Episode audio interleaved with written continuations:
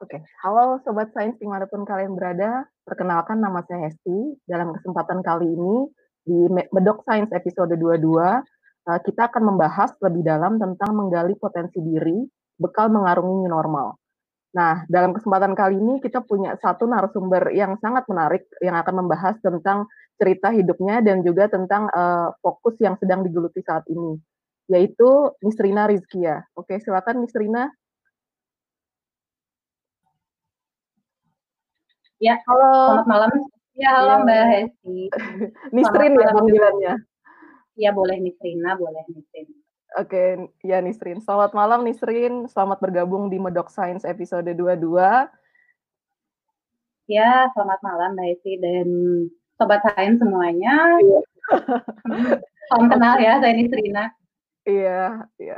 Oke, uh, dalam kesempatan kali ini kita kan mau coba membahas satu topik menarik nih tentang um, topik yang sedang digeluti oleh Nisrin yaitu menggali potensi diri dan nanti kaitannya tentang bekal mengarungi new normal yang saat ini sedang uh, sedang luasnya digaungkan oleh pemerintah dan orang-orang gitu hmm. gitu ya.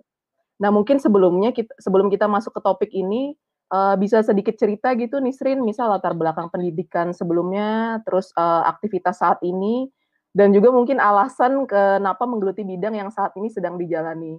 Oke, silakan. Hmm. Terima kasih Mbak Esti ya kesempatannya. Nah, um, basic pendidikan saya ya sama ya dari uh, satu alma mater sama Mbak Esti. saya dari ITB. Uh, eh, saya lulusan kimia 2010. Uh, eh, tapi sekarang tidak berkecimpung di dunia kimia lagi nih sobat sains, tapi saya lebih berkecimpung di dunia personal development. Uh, menggunakan alat tesnya uh, adalah talent mapping gitu. Jadi disebutnya praktisi talent mapping gitu. Nah kenapa bisa sampai memutuskan untuk berkecimpung di dunia personal development? Ya sederhananya sih merasa bahwa panggilan hidupnya ke sana gitu ya. Merasa nyaman untuk menggeluti dunia ini yang sekarang gitu ya. Mendapatkan kepuasan yang memang nggak bisa apa ya nggak bisa dijabarkan dibandingkan dengan uh, ketika dulu menggeluti kimia gitu ya. Kimia itu penting gitu ya. Uh, tapi sepertinya ada sesuatu hal yang kayaknya bukan saya banget gitu ya. Kalau misalnya saya terus-terus lama bertahan di bidang itu begitu ya. Nah nanti uh, mungkin ada materi yang saya bagikan. Di situ ada uh, salah satu apa ya, salah satu ya bagian gitu ya penjelasan mengenai ya hasil saya gitu ya.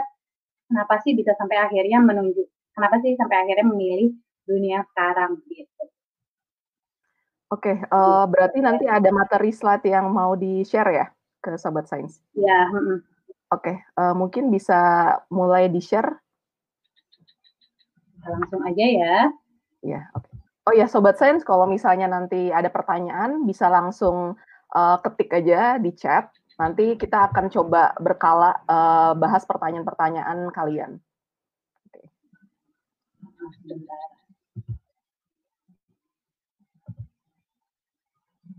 Um, mungkin sambil coba aku bacakan ini udah ada yang menyapa nih. Uh, Kellen Jis, oke, okay, standby katanya. Terus ada Rufaida Amudan. Assalamualaikum Kak Hesti dan Kak Nisrina. Waalaikumsalam. Terus ada Arif Ridwan Abrianto hadir. Oke. Okay. Ya, mungkin um, ya host mungkin bisa bantu share. Ya, bantu mungkin share. share dari host aja ya. Kayaknya ya. lagi enggak okay. lagi enggak mendukung. Nggak apa-apa. Ya silakan sobat sains yang mau menyapa menyapa teman-temannya mungkin. Oke, okay, uh, eh, udah kelihatan ya berarti ya? Udah kelihatan ya. Ya, uh, uh. oke okay, silakan ya. Miss Rina. Hmm, dimulai aja. Bismillahirrahmanirrahim. Nah, uh, topik kali ini adalah menggali potensi diri bekal mengarungi new normal. Sebenarnya uh, bahasan tentang potensi diri uh, itu bukan cuma kita stuck pada satu kondisi aja ya, salah satunya sekarang kondisi new normal, tapi memang berbagai dalam berbagai kondisi kita pun memang perlu gitu ya mengetahui potensi diri kita itu apa sih begitu ya. Nah, uh, apalagi momen-momen pada saat kita di rumah kemarin membuat kita sebenarnya mungkin banyak dari kita tuh banyak merenung ya. Berkontemplasi ya. Yes, uh, ada beberapa ada beberapa orang ya guys ya, sobat sains. Jadi yang cerita ke saya gitu ya, jadi mereka merasa beruntung hmm. ketika harus di rumah kemarin gitu ya, kemarin atau sekarang pun masih ada yang di rumah kan ya. Kenapa? Karena mereka jadi lebih banyak waktu gitu ya untuk berkontemplasi. Sebenarnya pekerjaan sekarang, hidup yang sekarang memang sudah sejalan apa belum sih gitu ya dengan apa yang memang seharusnya dijalankan gitu. Apa memang karena memang karena kebutuhan maaf ya dari segi materi gitu ya tapi ya, secara kepuasan batin itu nggak dapet gitu ya begitu atau memang uh, benar-benar hanya untuk ya kasarnya meneguhkan gitu meneguhkan jalan hidup begitu hmm. nah uh, mungkin bisa dilanjut uh, host nah pertanyaannya adalah sebenarnya siapa sih kita ya nah ini pertanyaan yang mungkin uh, sederhana dalam mungkin nggak banyak juga orang-orang yang berani untuk mempertanyakan hal iya. tersebut yeah. gitu ya ke dalam dirinya sendiri, ke dirinya sendiri atau enggak ke orang lain. Benar ya. Uh, ya pernah gitu ya, saya dulu pernah nanya sebenarnya saya tuh siapa ya. Nah, ada beberapa orang akhirnya yang tidak menerima pertanyaan tersebut gitu ya. Karena menganggap bahwa saya tuh orang yang apa sih? Kenapa harus sampai nanya seperti itu? Gitu ya. Sedangkan sudah dikasih anugerah kehidupan gitu ya. Itu dijalanin aja. Tapi bukankah kalau kita tahu diri kita itu siapa akhirnya kita jadi maksimal ya itu menjalani hidup gitu nah sebenarnya kelebihan masing-masing kita itu apa sih gitu ya? Nah kan kelebihan itu kan menunjukkan uh, ya kita gitu kan salah satunya ya gitu ya kita jadi lebih maksimal gitu dalam menjalani karir dan dari kehidupan gitu. Gitu ya, mungkin teman-teman di teman-teman juga banyak kali yang lain ya, di antara sobat saya gitu, yang yang mempertanyakan gitu sebenarnya ini siapa, brand saya apa, ya. gitu. Jadi, ya. Jadi memang ya. Bahkan itu memang sudah dua tahun, gitu. Hmm, jadi kayak memang, uh, ini bisa jadi momen untuk konfirmasi dan juga kita kayak, uh, apa ya, ya tadi kayak mempertanyakan pekerjaan gitu kan, mempertanyakan apa kita lakukan, apakah memang sudah sesuai dengan passion kah, atau memang sebaiknya kita yang harus menyenangi apa yang kita lakukan gitu ya. Jadi memang ini momen yang oke banget sih untuk berpikir lebih jernih gitu, tanpa adanya rush yeah. untuk melakukan banyak hal gitu. Karena kalau misalnya kita misalnya ya, terkadang kita itu sulit mengenali diri kita sendiri, sulit mengetahui kelebihan-kelebihan yang ada karena rutinitas gitu loh sobat layan. Ya, Jadi eh, terlalu padat gitu ya waktu sehingga ketika kita pulang ke rumah gitu. Ketika ketika kita istirahat ya waktunya cuma cukup buat makan atau enggak cuma buat tidur gitu ya. Nggak sempet tuh yang waktunya sebelum tidur kita mikir dulu ini sebenarnya harus ke mana sih hidup kita? Gitu. Nah ini bahasannya cukup ya sangat-sangat apa eh, filosofis gitu ya. Karena saya juga senang berkontemplasi gitu. Nah kita lanjut ke bahasan eh, psikologi positif gitu ya. Mungkin teman-teman atau sobat sains uh, udah pernah dengar gitu ya tentang psikologi positif uh, di beberapa kesempatan saya juga sering bahas ini gitu ya. Jadi uh, dulu tuh ya uh, sobat sains uh, perkembangan psikologi itu ya terbatas pada psikologi klinis. Jadi kalau misalnya kita dengar tentang psikologi, wah pasti nih orang ada masalah nih gitu ya, hmm. kalau psikolog gitu ya. Jadi bahasan-bahasannya adalah masalah, gimana sih caranya me menyembuhkan orang gitu ya, orang tuh punya penyakit apa gitu ya. Nah, eh, itu kenapa? Karena pada saat zaman perang dunia, itu kan banyak tuh ya Mbak ya, eh, orang-orang yang berjatuh korban-korban berjatuhan baik secara fisik ataupun mental. Nah, di situlah wah kita harus sembuhkan nih orang-orang yang secara mental itu nggak sehat gitu. Akhirnya berkembanglah psikologi klinis uh, atau uh, ya itu turunan dari psikiatri kedokteran jiwa gitu ya. Hmm. Nah, ternyata ilmu kayak gini tuh dipakai juga sobat sains nih di dunia pendidikan dan di dunia pengembangan manusia di uh, industri di perusahaan. Jadi uh, kamu kamu lemahnya di mana? Ya udah tingkatkan dong kayak gitu loh. Jadi Hmm. perbaikilah kelemahan sampai akhirnya lupa kelebihannya masing-masing orang itu apa. Kayak misalnya ada anak nggak dia jago matematika gitu ya. Terus aja dicecer tuh matematikanya harus bisa harus bisa. Padahal sebenarnya dia punya kemampuan di hmm, misalnya di desain gitu ya yang mungkin waktu zaman sekolah nggak pernah secara fokus dipelajari kayak gitu loh. Begitu. Nah, sampai akhirnya ada penelitian namanya ya penelitian psikologi eh, gerakan psikologi positif gitu ya yang membahas pada eh, kenapa sih seseorang itu bisa bahagia, kenapa seseorang itu bisa merasa berharga gitu. Itulah psikologi positif gitu. Nah, eh, ini dilihat dari gambar yang bawah itu kelihatan uh, itu kan ada uh, yang sebelah kirinya psikologi klinis, yang sebelah kanannya itu psikologi positif. Jadi psikologi klinis itu ber, berfokus pada ya masalah-masalah gitu ya perbaikan, sedangkan psikologi positif itu uh, berfokus pada ya kenapa seorang itu bisa bahagia gitu, kenapa hmm. hidup seorang itu bisa bermakna gitu. Nah uh, ibaratnya begini, sobat sains, uh, anggap aja ada garis nol ya Nah, kalau psikologi klinis itu membahas dari minus, keadaan minus seseorang sampai ke nol. Oh. Sedangkan psikologi positif itu dari nol atau dari di atas nol sampai kondisi puncak. Mana duluan nih yang harus diberesin gitu ya. Ya paralel aja kayak gitu ya. Sambil kalau misalkan ada seseorang yang mungkin dari segi mental itu bermasalah gitu ya, kayak ada gangguan gitu ya. Nah, ya udah diperbaiki juga uh, lewat psikologi klinis, tapi dia juga harus menyalurkan potensi-potensi yang dia punya kayak gitu. Hmm, berarti bisa Mungkin, secara para, paralel ya? Uh, paralel. Kecuali, hmm, betul Mbak Hesti. Kecuali kalau memang kondisi seseorang udah benar-benar nggak bisa ngelakuin apa-apa ya.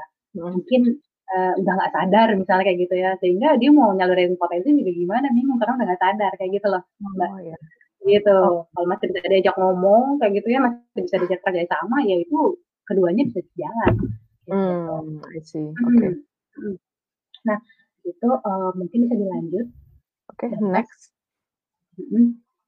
Nah, ini uh, hasil karyanya teman saya nih saya kerja sama sama teman saya buat apa?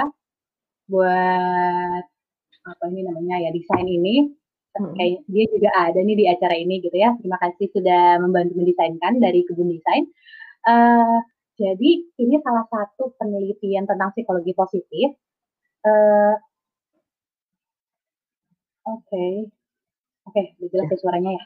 Nah, uh, ini ada penelitian dari uh, Martin Seligman mengenai mengenai uh, happiness and well-being, jadi kebahagiaan gitu seseorang. Kenapa sih seseorang itu bisa bahagia gitu ya? Ini hmm. ada perma, mungkin kalau di sini uh, urutannya berubah jadi pamer. Jadi ada positive emotion, engagement, terus relationship, uh, meaning dan achievement gitu. Nanti kita bahas uh, di slide selanjutnya. Coba kita lihat di slide selanjutnya. Nah, ini ya, mungkin uh, semoga jelas ya slide-nya. Nah, yang pertama ini uh, bahasan perma model itu kita membahas tentang positive emotion gitu. Jadi penting banget untuk kita tiap hari itu merasakan kebahagiaan gitu ya, merasakan kebahagiaan, merasakan eh, apa ya tawa kayak gitu. Nah, sedangkan standar kebahagiaan seseorang itu beda-beda kayak gitu. Dan eh, di sini sangat berpengaruh dari potensi seseorang kayak misalnya gini, saya udah merasa bahagia dan happy, happy kalau misalkan udah bisa uh, ngomong nih banyak ngomong kayak gitu. Nah, sedangkan orang tuh ada yang ketika ngomong bukannya muncul emosi yang positif kayak gitu ketika terlalu banyak ngomong kayak gitu. Jadi tiap orang itu beda-beda. Gitu. Nah, tapi kalau misalnya hmm? kalau misalnya uh, umumnya nih secara psikologi gitu, hmm? secara ilmu psikologi, apakah orang yang bahagia itu selalu tercermin dari mukanya? dari raut mukanya atau ada juga orang yang sebenarnya mukanya datar banget, cara ngomongnya juga datar banget, tapi sebenarnya dia bahagia gitu deep inside. ya sebenarnya uh, kalau misalnya uh, kita kan bisa lihat emosi seseorang ya dari mimiknya, dari gesturnya gitu. Memang ada orang yang ya agak lempeng-lempeng aja, salah satunya saya gitu. Mungkin orang-orang yang udah kenal saya, saya tuh kalau lagi sedih nggak terlalu kelihatan, kalau lagi senang nggak terlalu kelihatan, tapi mulutnya gitu kayak tapi dari dari omongannya kelihatan kayak gitu. Nah, uh, tapi gini, Mbak, uh, ada beberapa orang yang memang bisa menangkap emosi seseorang, ada beberapa orang yang nggak bisa gitu.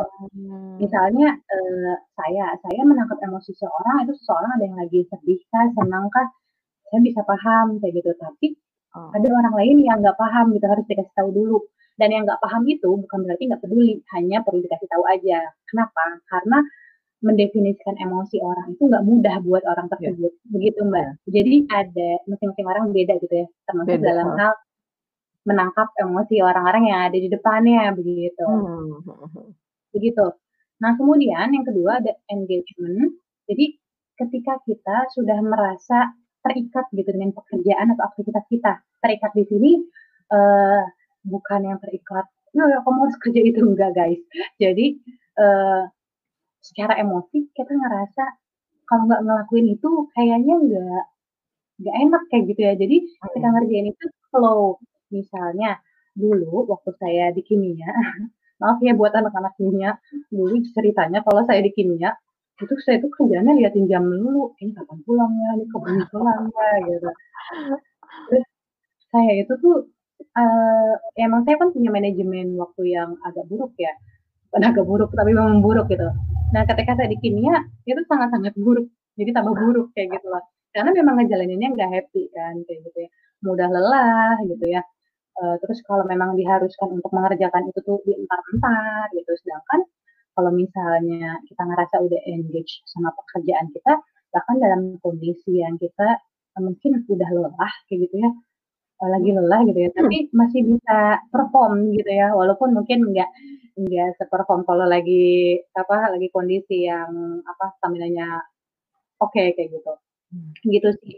Kalau dalam uh, ilmu psikologi positif uh, ini juga disebut uh, kondisinya flow. Jadi kita ngerasa ngalir sama kerjaan kita, sama aktivitas kita gitu.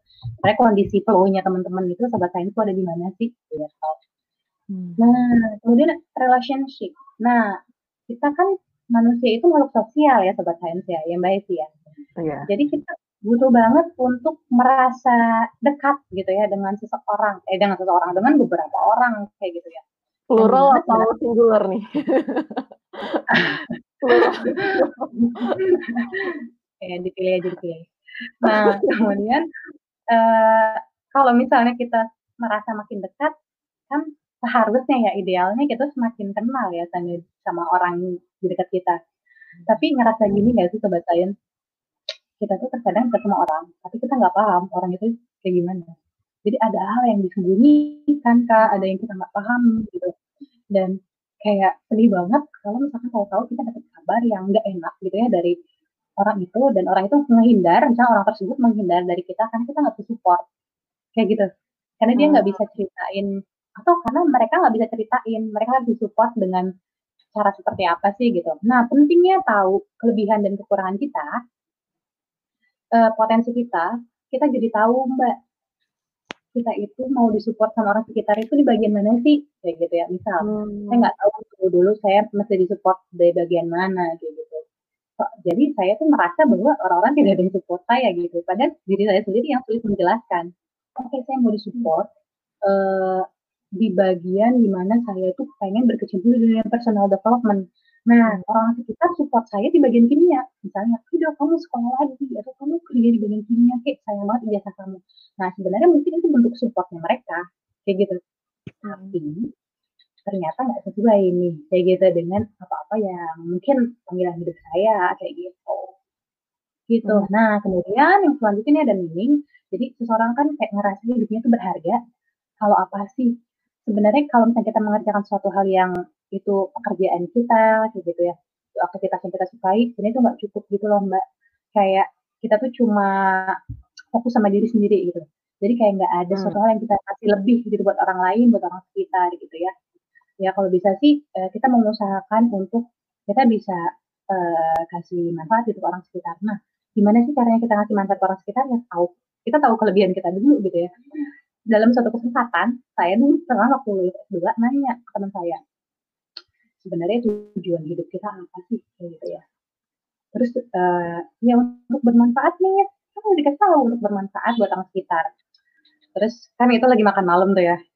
Gue juga tahu gue juga tahu buat bermanfaat tapi gue masih bermanfaat di mana nih kayak gitu. Konkretnya lah ibaratnya iya. Uh, uh, spesifiknya di mana nih? Terus karena uh, pembicaraan sudah semakin alot gitu ya karena satu sisi satu sisi bingung satu sisi nggak bisa jawab juga teman saya dan saya juga. Ya sudah kita sudah yuk obrolan tersebut dan itu memang memang ya memang perlu banyak merenung dan berdiskusi sama orang yang memang uh, punya punya mungkin pengalaman yang mirip-mirip gitu kali ya. Hmm. walaupun sebenarnya nggak setiap orang punya perjalanan hidup yang beda-beda. Gitu. Nah kemudian ada, ada achievement. Nah uh, kita merasa bahwa kita itu punya uh, pencapaian-pencapaian bikin kita puas gitu. Yang ke depannya kita bikin pencapaian lagi begitu. Nah, kemudian uh, gini loh, achievement yang bukan sekedar achievement dan kita nggak kita nggak kayak kita nggak ngerasa puas gitu. Jadi gini, dulu saya waktu di kimia ada orang yang sering bantuin saya gitu ya kalau misalkan saya uh, penelitian. Kalau misalkan hasilnya bagus, saya itu datar-datar aja, bahkan dia yang lebih happy. Itu karena penelitian saya kok aneh ya gitu. Ada yang salah nih ya. Ini kenapa ya? Nah, orang kan lihatnya jadi saya tuh nggak paham, emang nggak paham sih. Terus uh, atau misalnya nggak apa ya, nggak paham, terus uh, jadi nggak bersyukur kayak gitu ya. Nah, tadi baru-baru baru aja kejadian gini jadi ceritanya saya lagi nggak enak badan kan, ya tadi saya udah ngubungin Mbak apa Mbak Julis yang gak enak badan dari kemarin. Terus saya tadi minum teh manis panas. Terus saya di, diingetin sama ibu saya buat minum obat. Terus saya bilang, boleh nggak minum obatnya itu pakai teh manis? Karena yang ada di depan saya itu minumannya teh manis, saya males jalan gitu kan. Terus ibu saya bilang, ya nggak boleh lah, katanya gitu kan. Loh, kok nggak boleh? Terus ibu saya bilang, kamu gimana sih? Kan di sini ya. Terus kenapa nanya gitu ya? Terus akhirnya saya googling, kok saya kalah ya sama ibu saya yang dia nggak studi kimia, sedangkan saya udah sampai S2 kan. Gitu. Jadi FYI, jadi saya belum cerita di awal ya, saya S2 uh, eh, sampai S2 di kimia. Uh, udah sampai numpang penelitian gitu ya di Belanda. Mungkin ada teman-teman saya waktu luar biasa. saya di Belanda di Koroningan gitu. Mungkin mereka juga bingung kenapa saya sekarang berkecimpung di dunia sekarang gitu ya. Gitu deh ceritanya. Yuk lanjut deh. Selanjutnya minta tolong. Oke okay, next. Mm-hmm. nah ini uh, ada penelitian dari Gallup uh, Organization. Jadi yang dikepalai oleh Donald of Clifton. Donald of Clifton ini uh, bapak psikologi positif beliau meneliti tentang uh, kenapa sih perusahaan-perusahaan itu kok bisa unggul gitu ya. Jadi yang mereka sorot adalah perusahaan-perusahaan yang unggul gitu. Nah penelitiannya dilakukan selama 25 tahun. Wah keren banget kan guys. Padahal uh, coba deh di kampus-kampus gitu ya maaf ya maksudnya uh, penelitian itu kan misalnya dua tahun tiga tahun terus jadi paper gitu ya ini tuh di keep gitu ya dijaga data-datanya selama 25 tahun gitu. Mereka nggak mau ngasih kesimpulan dulu nih sampai dapat data yang memang uh, cukup gitu ya untuk menjabarkan apa yang sebenarnya mereka mau gitu ya. Ini dilakukan pada satu juta karyawan, 80 ribu manajer uh, dari berbagai perusahaan, industri dan negara. Nah, mereka pengen lihat nih kenapa sih perusahaan-perusahaan itu bisa unggul kayak gitu ya. Hmm. Nah, terkadang kan kita gini ya, eh kan, coba coba belajar kesalahan tuh dari perusahaan itu kayak gitu biar kita nggak gagal tuh kayak dia kayak gitu ya atau enggak belajar tuh dari Nisrin tuh biar nggak gagal misalnya kayak gitu ya.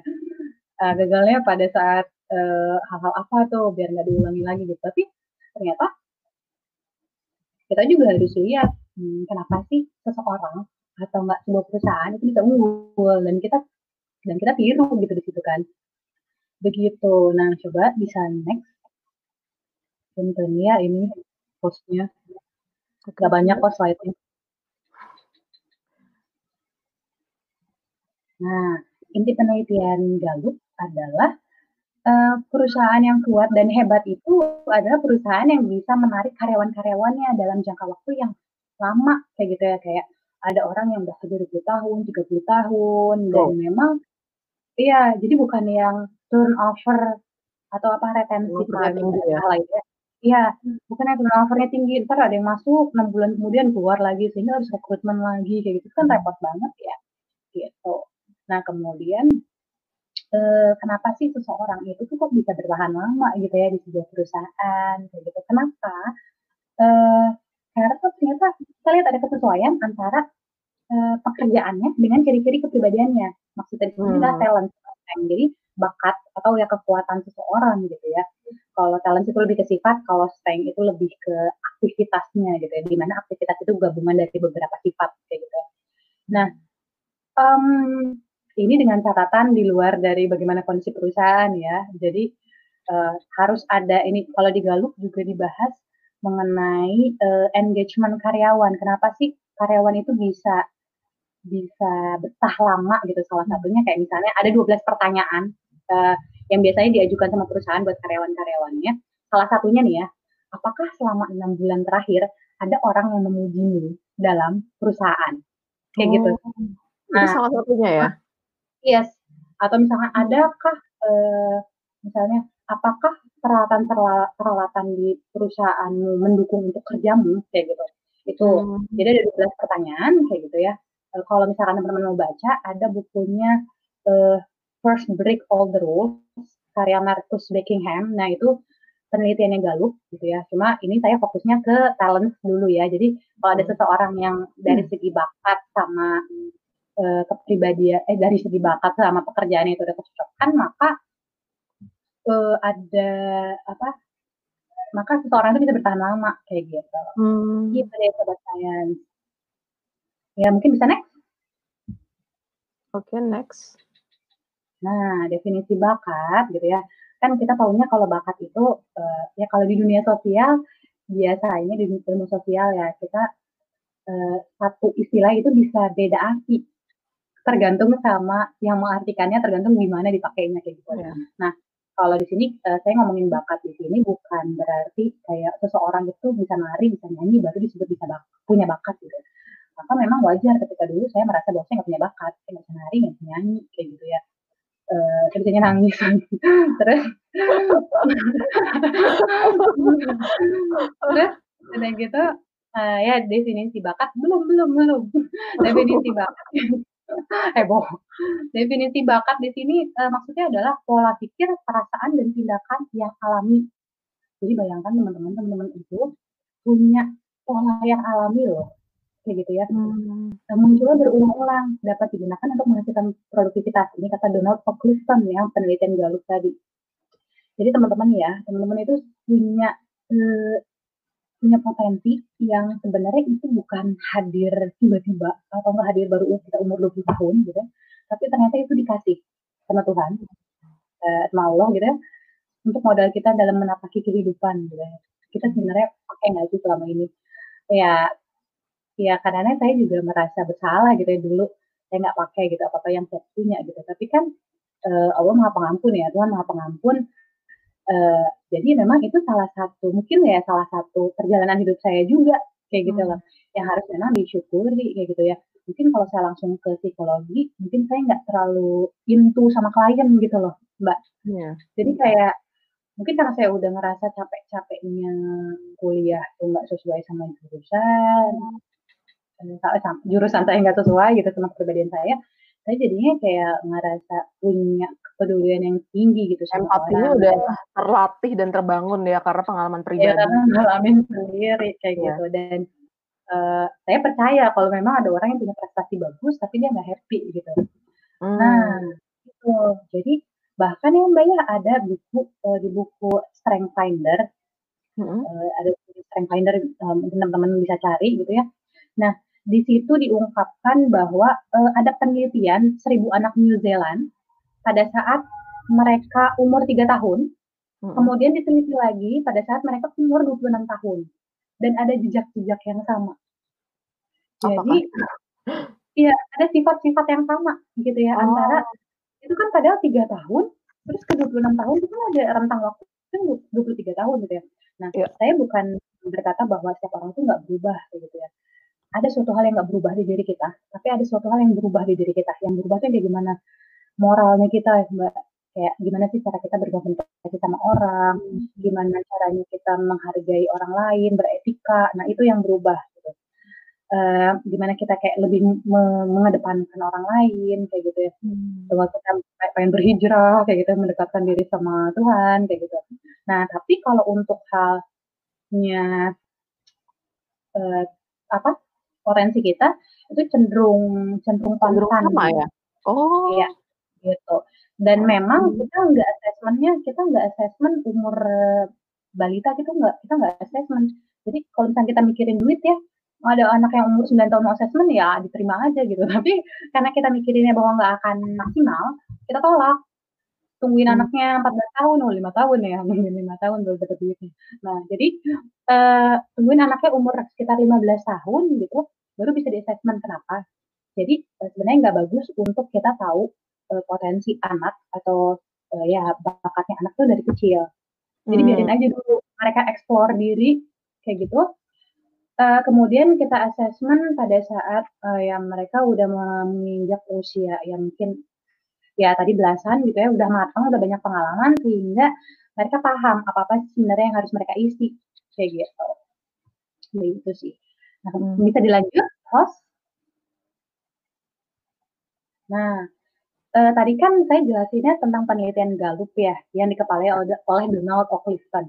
Nah, di Indonesia itu di kem- dikembangkan, jadi penelitian Gallup itu di apa? Diteliti lagi. Dipopulerkan ya? Ya, jadi kan kalau di kalau penelitian Gallup itu kan kita nggak akan dapat formulanya ya, Mbak ya. Ya sobat Hmm. sains kita mereka paten kan rahasia kan gitu ya. Jadi Gallup itu juga punya perusahaan di Indonesia, punya berbagai cabang, punya cabang di berbagai negara. gitu. Nah, ini Abah Rama Royani, ini saya panggilnya Abah karena ya saya udah ngerasa beliau juga sebagai guru saya kayak gitu ya. Eh, ya dituakan lah di talent mapping. Beliau eh, ini adalah penemu talent mapping begitu ya. Jadi kalau di luar namanya Clifton Strength Finder. Kalau di, di Indonesia kan diteliti lagi sama Abah Rama Royani, ini namanya talent mapping kayak gitu ya. Yang dasar penelitiannya sama dari Hmm. Gallup kayak gitu. Cuma ada yang bedanya kayak gitu ya. Ada hasil assessment yang Abah Rama ini punya hasil assessment yang lebih lengkap kayak gitu. Hmm. Abah Rama ini lulusan teknik fisika ITB. Gitu. Iya. Jadi, jadi jadi ini bukan bukan ini ya, bukan Bukan bukan eksklusif. arogansi alma mater ya. Iya. Bukan Tapi eksklusif ya. Jadi tapi actually ini eh, sebenarnya dulu juga somehow ya ini related juga karena dulu waktu masih kuliah eh, jadi aku ikutan acara talent mapping yang diadain sama Abah siapa Abah Rama ya panggilannya. Mhm. Iya, jadi kayak Ya. Di kampus gitu ada acara seminar gitu tentang talent mapping dan beliau ini yang ikut membantu menjelaskan tentang pemetaan bakat lah istilahnya kayak gitu. Jadi ini surprisingly banget nih kayak Mhm. bisa tiba-tiba kayak Mhm. connect kayak gini kan sama Nisrin. Mhm.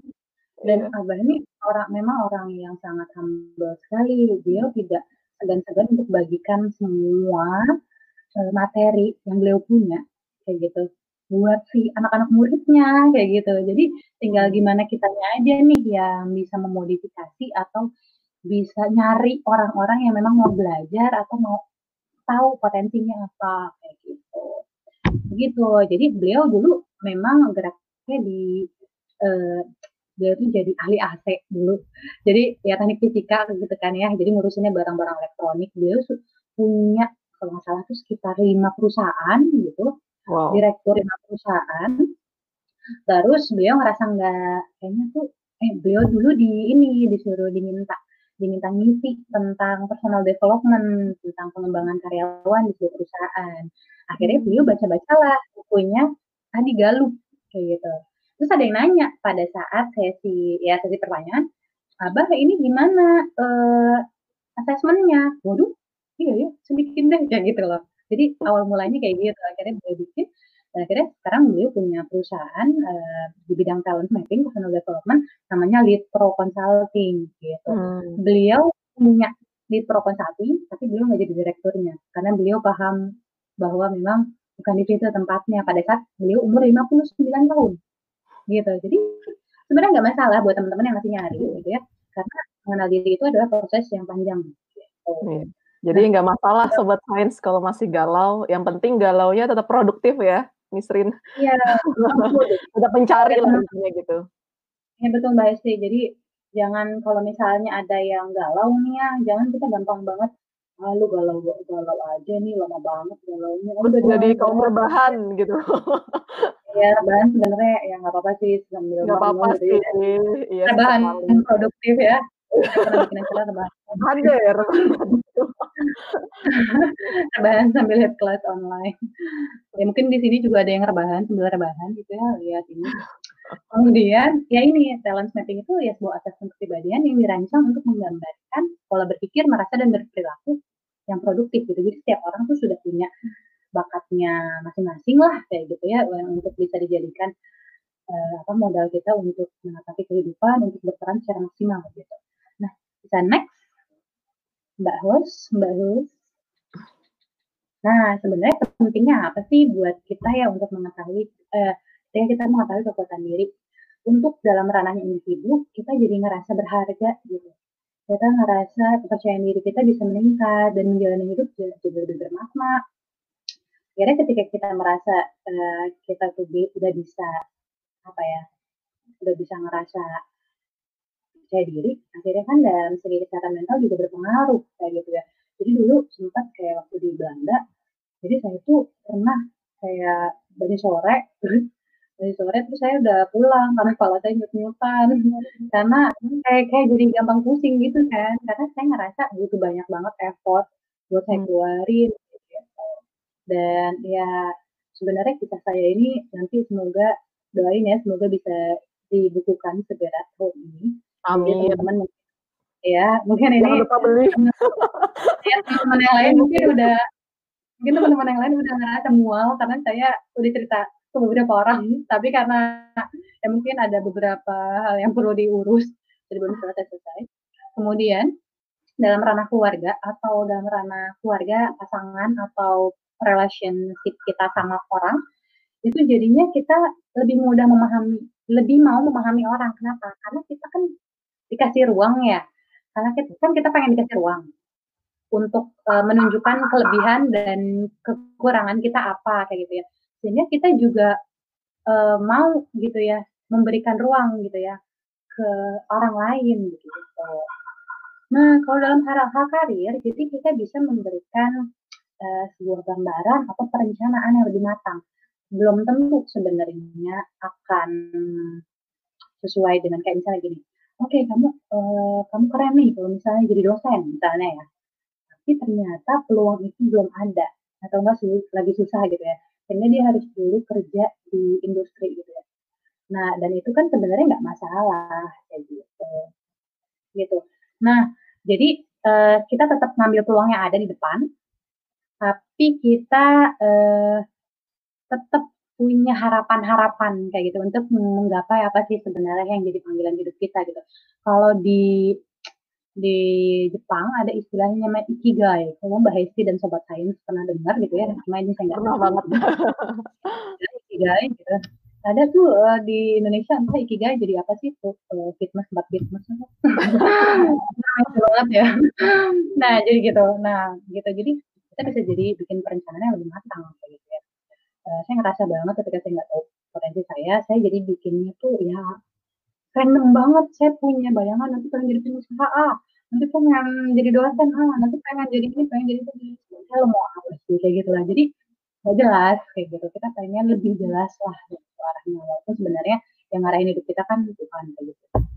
Terus selanjutnya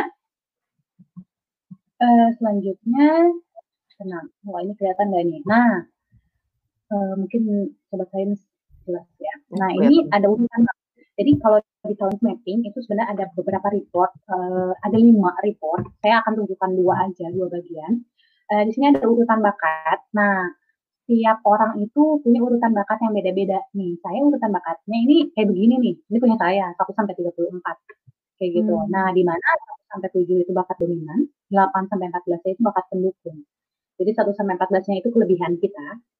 21 sampai 27-nya lemah, 28 sampai 34-nya lemah banget. Jadi jangan sampai kita terlalu banyak berkecimpung di mana kita uh, terlalu diporsir kelemahan kita. Kenapa? Hmm. Ibaratnya kayak uh, katak gitu ya. Disuruh terbang kayak gitu kan bodoh ya. Gitu hmm. loh. Biar bodoh kan gitu ya. Nah, jangan sampai uh, boleh sih sebenarnya kayak gini di dunia talent mapping yang sekarang mungkin beberapa bagian mengharuskan saya mengerjakan sesuatu hal di dunia administratif. Jangan saya lemah uh, di dunia administratif gitu ya. Saya nggak terlalu suka tuh uh, yang suruh bikin laporan yang rapi-rapi kayak gitu sebenarnya. Tapi kan ada beberapa bagian yang saya mesti bikin laporan kayak gitu ya. Tapi itu enggak ibaratnya kalau dari 100% mungkin administratifnya 20% kayak gitu. Hmm. Kayak gitu. Dan 80 persennya ya kebanyakan adalah saya ngomong, saya diskusi kayak gitu itu kan yang hal yang saya sukai atau misalnya nulis gitu ya nulis nulis bebas gitu, gitu. Nah, nah, ketika saya di kimia, jadi di sini kelihatan kayak analytical saya nomor 30 gitu kan lemah banget. Jadi oh, enggak saya bisa kalau, sampai S2 ya. Keren saya, banget. Karena, karena saya maximizer nomor 7 perfeksionis, maximizer atau perfeksionis. Jadi oh. kayak pengen, jadi kebayang nggak sih mbak bacain, pengennya perfect, tapi kamu nggak bahas tempatnya stres sampai dosen saya pernah ngomong gini kamu tuh yang stres itu kok usahanya kurang ya gitu saya udah berusaha dalam hati saya saya gimana? Kayak gitu. Nah, sama learner kan belajar apa pun bidangnya. Keren keren oh. sih work ethicnya berarti. Nah kayak gitu sih saya saya ngerasa kalau saya udah ngambil sesuatu hal ya perlu saya selesaikan. Ya, ya next saya jawab ya. selesaiin gitu. Uh, ya. jadi mungkin bisa ini juga buat sobat sains bisa iya, jadi pengalaman. bisa jadi pesan apa ya pesan kehidupan lah bahwa mungkin apa yang kita pilih kadang Indian nggak sesuai tapi ya sebaiknya mungkin jalanin dulu kayak Mbak Nisrin gitu kan. Nanti kita bisa aja nanti kayak switch switch karir gitu ya. Maksudnya kayak uh, karir yang lain kayak gitu ya di waktu yang tepat lah entah kapan kayak gitu ya. Dan jangan dan gini saya pernah menemukan beberapa kasus kayak gini. Kayak apalagi kalau laki-laki ya. Apalagi kalau laki-laki yang udah berkeluarga gitu ya kan mereka punya tanggungan. Biasanya kalau laki-laki saya lebih hati-hati ngasih ketua saran ya. jadi lebih hati-hati kenapa? Jadi ada orang yang resign terus dia nggak ngerti dia harus apa. Pokoknya saya itu kan nggak bakat saya resign kayak gitu. Tapi kan eh, dia selain amanah dia selain amanah seorang laki-laki selain harus ya laki-laki dan perempuan kan harus ya ya kalau bisa sih menjalankan apa-apa yang sesuai potensinya. Tapi kan amanah dia juga ada iya. uh, sebagai pelindung keluarga ya gitu. Hmm. jadi kayak udah hati-hati sih sebenarnya kalau untuk ya untuk laki-laki gitu. Nah kemudian kayak ini saya dari berarti lemah dari berarti itu hati-hati. Jadi saya orangnya nggak hati-hati banget. Nanti tiba-tiba reaksi tabung reaksi pecah. Nanti wah saya udah saya udah nggak kehitung tuh uh, ada pecah di lab. Terus disiplin tuh lemah, disiplin itu kayak saya ngatur jadwal nge-lab, itu agak kesulitan. Jadi kayak oh, harus mulai dari pagi, pagi-pagi itu orang kalau pagi-pagi kayak misalnya saya datangnya telat, udah gitu nanti baru nge nih sore atau siang, bisa bermalam gitu. Jadi kelihatannya rajin kan. Hmm. Gitu. Padahal emang karena ngatur waktunya nggak beres, gitu sih. Nah, coba di next. Nah, ini ada tinggal dua slide lagi. Nah, ini ada peta bakat. Jadi 34 tema bakat tadi di di ini dipetakan gitu, dipetakan ke dalam empat kelompok. Ada thinking, ada striving. Thinking dan striving itu tuh yang sebelah kiri.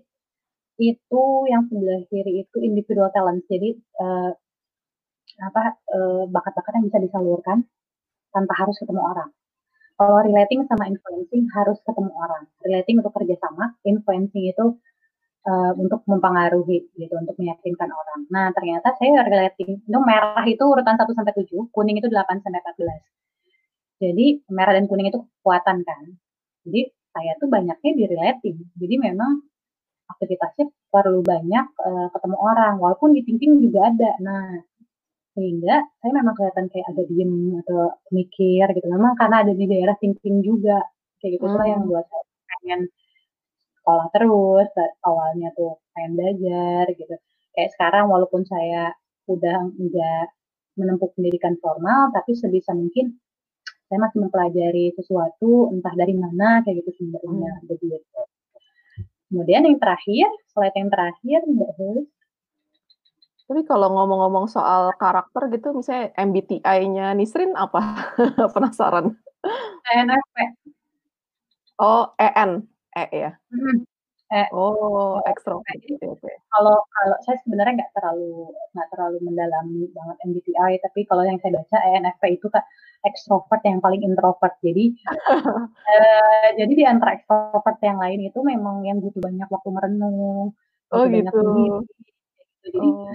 eee, beberapa orang kayak suka nggak paham, kalau saya tuh punya kalau saya tuh sen senang merenung, senang menyendiri. Jadi kayak lagi merenung gitu ya, terus tiba-tiba digedor-gedor kayak gitu, itu paling mengganggu gitu buat saya, kayak gitu loh. Kayak gitu. Nah, kemudian selanjutnya Next. ini next slide yang terakhir. Jadi kalau teman-teman pernah baca buku, ada namanya ada buku, eee, karya Viktor F. Frankl, mungkin Mbak Hesti pernah dengar? Pernah, tapi belum baca. Saya juga lama. sih. Bacanya lama sih, sukanya YouTube-an. Nah, terus nah, terus namanya ini judulnya Man's Search for Meaning. Jadi, Hmm. beliau ini adalah psikiater yang di mmm, apa tuh, yang ditahan waktu Nazi. Jadi dia Mmm. tuh orang Yahudi, Mbak, gitu, ditahan nih di camp. Nah, terus eee, mereka ini dapat mereka ini dikasih mak dikasih makan, eee, mereka ini semua yang ada di camp itu dikasih makanannya sama, dikasih obatnya sama, terus kasarnya disiksanya sama, kayak gitu ya. Mungkin ada juga sih yang mungkin ada agak lebih disiksa gitu ya. Tapi ternyata ada yang bertahan lama, ada yang meninggal gitu di Oh. dalam camp itu, gitu. Nah, beliau ini selama ditahan, beliau ini, eee, beliau ini tuh melakukan penelitian, Mbak, keren banget ya. Kamu ditahan ngeluh kayak gitu kan. Eee, dia tuh ngamatin orang-orang, kenapa sih ada yang bertahan lama, ada yang meninggal, kayak gitu. Wah, keren. Ternyata beliau melihat bahwa, eee, ada orang-orang yang merasa punya harapan, sekalipun mereka nggak tahu kapan dibebasinnya, gitu. Orang-orang yang akhirnya cepat meninggal karena mereka ngerasa bahwa, "Aduh saya nggak tahu nih kapan di eee, bebasinnya, ya sudahlah, eee, saya mati saja," kayak gitulah ibaratnya, kayak gitu. Nah, eee, si Viktor F. Frankl ini saya jadi cerita bukunya dulu ya. Viktor F. Frankl ini, dia itu membayangkan ketika dia bebas, dia ini akan ketemu sama istrinya yang tercinta, kayak gitu ya. Pada jadi itu yang buat semangatnya dia, gitu. Padahal dia nggak tahu kapan dibebasinnya, gitu. Ternyata dalam waktu 3 tahun dia bebas, tapi istrinya udah nggak ada, meninggal. Gitu. Jadi So itu ada sad. Wah. iya, jadi ada harapan-harapan kayak gitu yang akhirnya membuat seseorang tuh akhirnya bisa bertahan, kayak gitu. Mmm. Dan, eee, tapi kita juga harus mengendalikan harapan itu sih, Mbak. Jadi Iya. kayak gini, ada orang yang berharap ketika Natal, jadi temannya si Viktor F. Frankl ini berharap ketika Natal, eee, mereka akan dia akan ketemu sama keluarganya dan akan dibebaskan. Ternyata Natal udah mau dikit lagi, nggak dibebasin juga. Terus ternyata ketika Natalnya udah di depan mata, nggak dibebasin juga. Akhirnya deh dia ngerasa bahwa harapan itu kayak mematikan dia gitu loh, karena harapannya Mmm. nggak tercapai gitu. Jadi satu sisi kita perlu berharap, tapi satu sisi, eee, kita juga perlu apa, mengendalikan harapan itu, kayak gitu ya. Nah, Mmm. dalam buku Search for Meaning juga ini dibahas gimana sih seseorang itu tuh sebenarnya ya punya punya jalan hidupnya masing-masing, punya keunikan dan punya punya, eee, suatu hal yang membuat mereka tuh ngerasa berharga dan itu beda-beda tiap orang. Hmm. Nah, ini dikatakan ini sebagai ya yang terakhir, kita slide yang terakhir, setiap manusia memiliki pekerjaan dan misi untuk menyelesaikan sebuah tugas khusus. Dalam kaitan dengan tugas tersebut, dia tidak bisa digantikan dan hidupnya tidak bisa diulang. Karena itu, setiap manusia memiliki tugas yang unik dan kesempatan unik untuk menyelesaikan tugasnya. Jadi hidup Mmm. kita kan cuma sekali ya, Mbak, di dunia, Iya, bener. sayang. Dan kita tuh punya tugas khusus, kayak gitu. Dalam hal ini, karir ya, bisa juga karir, kayak gitu ya. Dan percaya deh teman-teman, ada hal yang nggak bisa digantikan sama orang lain dan cuma temen do temen-temen doang yang bisa ngerjainnya. Gitu loh. Tapi bukan jadi Wah. sombong ya, kayak, "Wah, ini kalau nggak ada gue, pokoknya hancur," kayak gitu. Bukan bukan kayak gitu. Jadi, eee, ada suatu hal yang memang nggak bisa dikerjain sama orang lain, cuma teman-teman doang yang bisa, tapi itu jadi modal teman-teman buat bisa ngasih lebih gitu buat orang sekitar, Hmm. gitu. bukan cuma dalam hal karir, tapi dalam hal misalnya di keluarga. Aku punya tugas misalnya sesederhana, Mas bikin nasi goreng misalnya buat keluarga gitu. Jadi kayak punya tugas-tugas lah kayak gitu ya. Entah itu tugas di dalam keluarga, dalam uh, sosial, dalam hal uh, karir gitu. Gitu ya teman-teman. Jadi penting banget buat kita kenal sama diri kita, buat kita tahu potensi kita gitu buat hidup kita lebih bermakna gitu ya apalagi ini momen yang mungkin nih apa gitu ya buat kita masing-masing merenung gitu deh mbak hmm. dan sobat science Ya mungkin kalau bisa narik kesimpulan gitu, jadi uh, setiap orang sebenarnya punya tujuan kenapa dia diciptakan dan tugas yes. setiap orang itu juga untuk mencari tahu seumur hidupnya kayak alasan kenapa dia diciptakan itu. Oh iya, ya, benar dalam banget. ya, jadi kebetulan memang sudah melewati fase-fase kontemplasi yang mendalam gitu. Jadi emang ya udah dan lah ya. ya nggak kebayang sih kalau kalau kalau dipikir-pikir lagi kayak kayak bersyukur banget sih bisa melewati masa-masa itu. Kenapa? Karena mungkin ada orang yang butuh waktu mungkin sebulan dua bulan, ya. sebulan dua bulan kayak instan dong. Nah, eh, atau ya ada waktu ada yang orang butuh waktu setahun dua tahun misalnya gitu ya. Dan memang itu masa-masa yang krisis banget gitu oh iya saya mau cerita dulu. Nah gini mbak. Jadi dulu sebenarnya saya udah tahun snacking tahun 2010 saya kan angkatan 2010 tuh. Nah jadi tapi hasilnya saya nggak ambil. Saya merasa saya sudah masuk ITB itu udah cukup oh. gitu ya.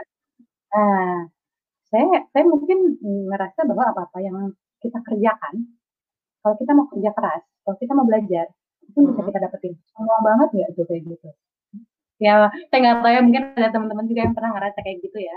Saya cuma ngomong sama diri sendiri sih. Ya hal kayak gitu sebenarnya nggak pas kayak gitu ya. Kalau kita merasa bahwa apa yang bisa kita raih saat kita mau belajar gitu ya. Kenapa? Ada hal-hal yang sebenarnya dengan kita belajar pun eh, itu kita butuh effort yang besar dan kita harus pilih jalan lain gitu ya kasarnya yang sebenarnya itu sesuai panggilan hidup kita gitu ya. Jadi ya terlihat lebih mudah gitu kesannya gitu. Nah, tahun 2015 lulus S2, aduh udah deh itu bingung banget. 2017 lah. Ya, 2017. Ya. Hmm, 2017 akhirnya memutuskan buat iseng-iseng sebenarnya iseng-iseng. Uh, talent mapping. Jadi saya dulu ceritanya pasien kali ya. Jadi saya dulu iseng-iseng talent mapping. Terus uh, 2017 akhir saya gabung di talent mapping alhamdulillah banyak banget dapat lingkungan yang suportif. Dan hmm. saya uh, sebenarnya saya bisa dibilang orang yang gak gampang nyaman berada dalam sebuah lingkungan. Itulah kenapa orang-orang ngelihat saya tuh nggak terlalu oh, apa ya mungkin entah beberapa orang nggak ngeliat ngeliat saya tertutup atau apa gitu. Nah di tahun swiping ini lingkungannya suportif banget dan banyak emak-emak sama bapak-bapak. Jadi oh. saya ngerasa wah ilmunya gitu. Nah kemudian 2018 saya minta ada salah mapping saya Hmm. Nah, jadi saya bandingin tuh waktu yang 2010 sama 2017 gimana? Ya Allah, ternyata sama ya. Gitu loh. Jadi makanya saya bilang, Gak ada bedanya sama sekali ya? Uh, ada, tapi nggak signifikan. signifikan. Jadi kalau dilihat kayak tadi di peta bakat itu saya orangnya yang thinking relating gitu. Hmm. Jadi uh, mungkin selama saya kuliah di ITB saya bereksperimen ya dengan diri saya sendiri. Gitu. Iya tuh ya, ya teman-teman jangan jangan segan-segan lah ya bereksperimen dengan diri sendiri. Iya, kita coba gagal, ya yang penting kita nyoba ya intinya. Kalau kita nggak pernah nyoba, kita nggak tahu kita gagal kan sebenarnya. Iya gitu, gitu sih. Mm-hmm. Wah seru banget, seru banget ini bahasan yang sangat menarik karena beneran bisa bikin kita jadi lebih kenal ke diri sendiri juga gitu. Dan mungkin nanti setelah ini Sobat Sains jadi punya langkah konkret gitu untuk bisa mengenali dirinya selama masa-masa pandemi ini kan kebetulan kita harus social distancing, jadi kita mungkin uh, sedikit berkurang kewajiban sosial kita untuk saling mengunjungi orang gitu. Jadi kita punya waktu lebih banyak untuk bisa refleksi ya terhadap kehidupan kayak gitu tentang apa yang udah kita lakukan, kita capai dan apa yang pengen kita raih selanjutnya. Gitu. Yes. Oke. Okay. Wah ini kebetulan banyak banget nih pertanyaannya. Aduh, aduh, saya tidak aduh. Siap-siap. Oke, uh, mungkin tadi untuk alasan kenapa pindah jalur sepertinya sudah disampaikan sama Nisrin. Jadi, uh, kebetulan ada yang bertanya, jadi kita bisa skip pertanyaan tersebut. Selanjutnya Ah, dan saya mau ngasih tahu sih, Mbak, uh, hmm? maaf potong. Uh, Jadi dengan saya yang profesi sekarang, saya ngerasa Mhm. banyak banget dapat doa dari orang la orang-orang sih, yang saya nggak dapetin dari kalau dulu kan kayak, "Kenapa sih? Lu tuh diajarin nggak ngerti-ngerti," kayak gitu loh. "Kamu gimana sih nggak nyambung," kayak gitu. Gitu, jadi kayak ya walaupun ada juga sih yang muji, "Wah ini ini ya cepet ya ngertinya," gitu ya. Aduh di beberapa hal saya cepet ngerti, di beberapa hal ya saya lama gitu di kimia. Nah, Mmm. eee, atau misalnya kayak memuji nilai-nilai secara akademis saya gitu, ujian ataupun di skala di atas kertas saya gitu ya. Tapi, eee, ada hal yang nggak bisa didapetin ketika saya itu di kimia gitu dan saya dapetin di yang sekarang. Kayak misalnya setiap saya sharing, atau setiap saya nanganin klien, terus mereka tuh doain saya gitu. Jadi, Wah. ya selain selain mereka memberikan saya sesuatu hal dari segi materi kasarnya gitu ya, tapi, Iya. eee, atau apresiasi yang lainnya, mereka itu me merasa mungkin terbantu gitu ya, kayak saya tuh Mmm. jadi perpanjangan tangannya Allah gitu ya. Eee, dan akhirnya mereka, eee, mendoakan gitu, itu hal-hal yang kayaknya saya Yang nggak dapet touching ya? Yes, itu saya nggak dapet itu waktu dulu, gitu sih. Mmm, dan mungkin itu ada hal yang paling berharga yang bisa didapetin Nis Nisrina selain materi gitu, karena itu kepuasan yang, apa ya, yang nggak bisa diukur ya sebenarnya dari Mhm. hal-hal yang kayak gitu. Iya. Iya iya iya, gimana Oke. Iya, ini jadi ada banyak pertanyaan ini, mmm, bentar kita coba scroll dulu. Eee Oke, ini ada satu pertanyaan menarik dari Kisame Uchiha. "Kak Nis izin bertanya, berapa besar dampaknya untuk kesuksesan kita dalam memahami potensi diri sendiri, sedangkan lingkungan di sekitar kita tidak membutuhkan potensi yang kita miliki?" Mmm. Oke. Tuh? Dijawab ya? Dijawab ya, Mbak, ya? silakan. Iya, heeh, silakan. Nah, eee, lingkungan itu sebenarnya nggak butuh potensi kita itu pertama lingkungannya sebenarnya lingkungan kerja, lingkungan, eee, di rumah gitu ya, atau lingkungan sekitar kayak gitu ya. Kalau memang kasarnya masih bisa bertahan dari segi mental gitu ya, masih bisa kasarnya mah coping namanya, kayak, "Oke deh saya stres banget nih ngelakuin suatu hal nggak sesuai potensi, tapi saya Iya. masih punya banyak duit nih sehingga saya bisa keliling dunia," misal. Terus setiap weekend saya bisa, eee, ke Bali kayak gitu ya. Waduh. Nah ya boleh deh boleh deh gitu ya. Tapi kalau iya. misalnya jadi saya balikin lagi gitu ya ke apa sih, Mbak Kisame ya. Ya saya balikin Heeh, lagi salah sama ini ini nggak ada gender kayaknya nih namanya. Oke baiklah. Saya balikin lagi gitu ya, apakah, mmm, secara mental itu bisa bertahan? Kalau misalkan enggak, ya cari coba cari perlahan-lahan itu cari celah untuk bisa, eee, dapet karir atau enggak dapet lingkungan yang memang suportif kayak gitu ya. Eee, saya Mmm. waktu masa-masa banyak merenung, saya memperkecil circle kok. Kira-kira orang-orang mana ya yang kira-kira bisa support saya kayak gitu ya, yang ketika saya jelaskan itu paham kayak gitu. Bahkan mungkin orang-orang terdekat saya, eee, atau teman-teman saya juga ada yang nggak paham kayak gitu. Awal-awal mungkin ya udah deh dijelasin lagi dijelasin lagi, tapi kalau udah sampai 1000 kali nggak ngerti-ngerti udah udahlah, toh nggak ada salahnya juga kita, mmm, apa ya, kalau memang kita butuh. Kan kita sendiri juga punya kebutuhan ya, jadi Iya. jangan sampai kita mentolerir lingkungan tapi kita habis, kayak gitu loh. Mhm, Gitu tap iya jadi bener. kayak boleh sih nggak apa-apa mentolerir lingkungan, tapi kita Balance kali ya? balance balance kayak gitu, Oke. gitu sih. Ya gitu dampaknya sebenarnya apa ya, kayak teman-teman gini loh teman-teman, gini loh Mbak, kayak kita mau makan, kita nggak makan, gitu. Kayak Mmm. kita punya potensi tapi nggak disalurkan, kayak gitu loh. Kayak kita haus, tapi nggak ada minuman sama sekali, ya aus kan, aus banget kan pasti. Itu Iya, kalau ya misalnya udah kita minum dulu. Ya udah minum minum terus Iya. ya minum kan gitu loh, ya makan kan. Iya Nah, kalau, eee, jadi kayak, eee, saya biasanya nyebutnya fitrah. Jadi setiap orang, saya dan teman-teman yang lainnya gitu, saya biasanya nyebutnya fitrah gitu. Jadi setiap orang itu punya fitrah bakat, punya fitrah potensi, kayak Mhm. gitu. Jadi, mmm, setiap orang itu punya kebutuhan gitu ya, secara, eee, ya ya secara pribadi buat menyalurkan potensi tersebut, gitu. Jadi Mmm. sekarang sebenarnya pilihannya Mbak sendiri gitu ya, yang akhirnya strateginya gimana nih, gitu. Iya. Gitu. Oke, lanjut kita ada pertanyaan lain dari Anton Timur Jailani, eee, "Halo Mbak Nisrina dan Hesti, rata-rata usia yang dikatakan mulai mengerti tujuan hidup itu berapa ya? mengingat usia SMA ke kuliah atau kerja kan biasanya usia rentan mengikuti tren. Padahal itu termasuk fase penting bagi kebanyakan orang ke depannya. Makasih ya. Wah, jangan-jangan nih Anton ya panggilannya ini lagi Saya kayaknya tahu mencari deh. mencari-cari mencari-cari tujuan hidup apa?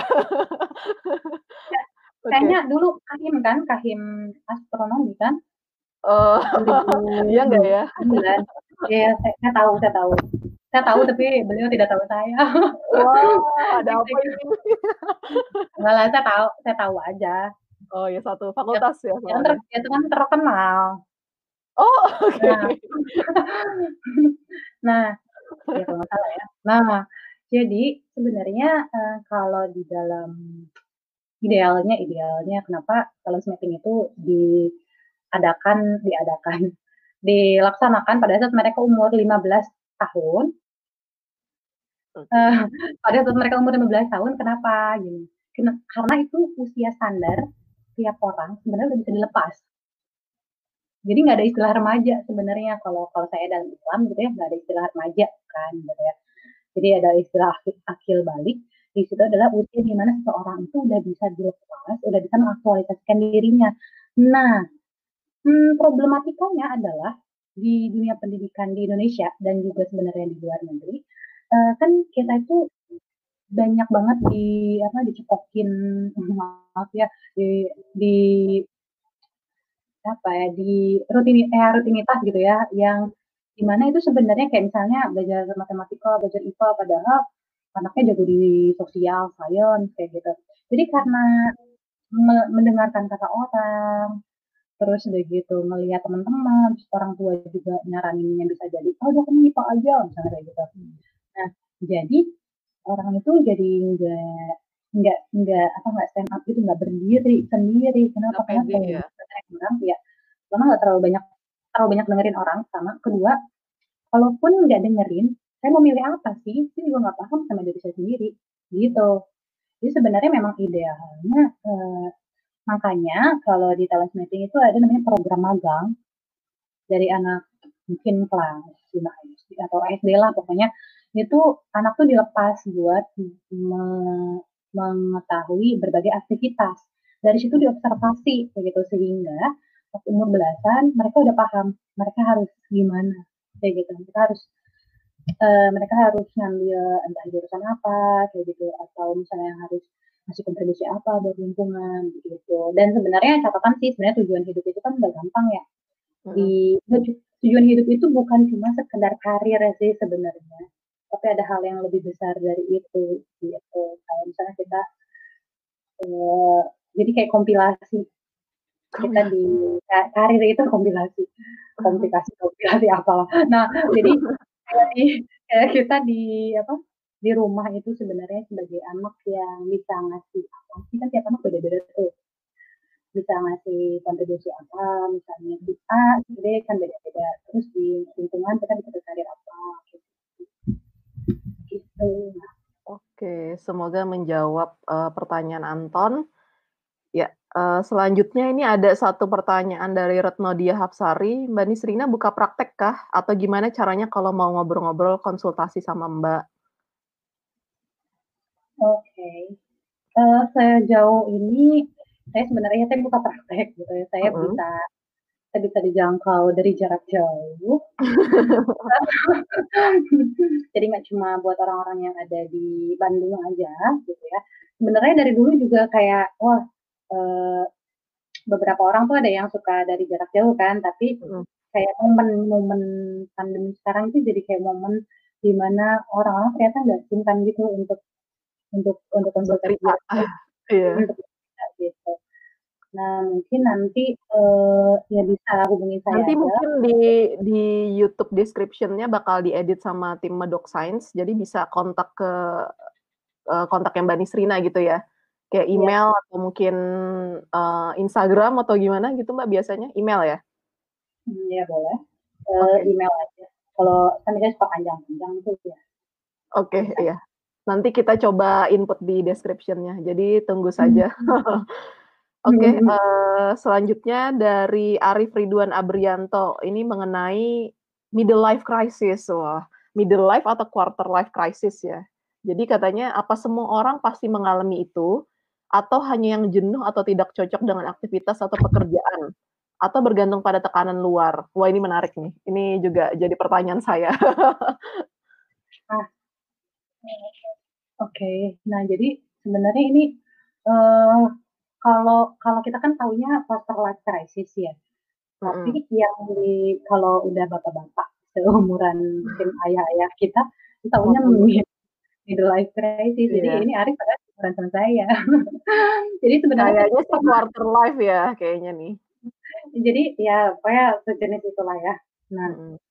uh, jadi sebenarnya bisa jadi sebenarnya itu karena memang uh, ada hal-hal yang kita kayak kita skip gitu loh. Jadi kayak uh, harusnya misalnya idealnya waktu zaman SD, SMP, SMA banyak hal yang harusnya kita kita lakukan gitu ya, kita explore, kita main kayak gitu kan. Sebenarnya anak-anak bisa hmm. main kan ya. Nah, yeah. tapi kita skip gitu, itu langsung belajar, risum gitu ya. Hmm. Sehingga si galau ini, krisis ini nih akhirnya kita kita rasakan kayak gitu. Jadi sebenarnya bisa kita antisipasi dengan beberapa langkah sebelumnya gitu. Tapi kan hmm. Ya kadang kita nggak sadar gitu. Tapi quarter life crisis ini sebenarnya nggak cuma dalam hal karir gitu. Kayak misalnya kan umur-umur 25 kan itu kan itu adalah keputusan-keputusan terbesar ya. Kayak yeah. ada apa, jodohnya siapa, punya rumah misalnya.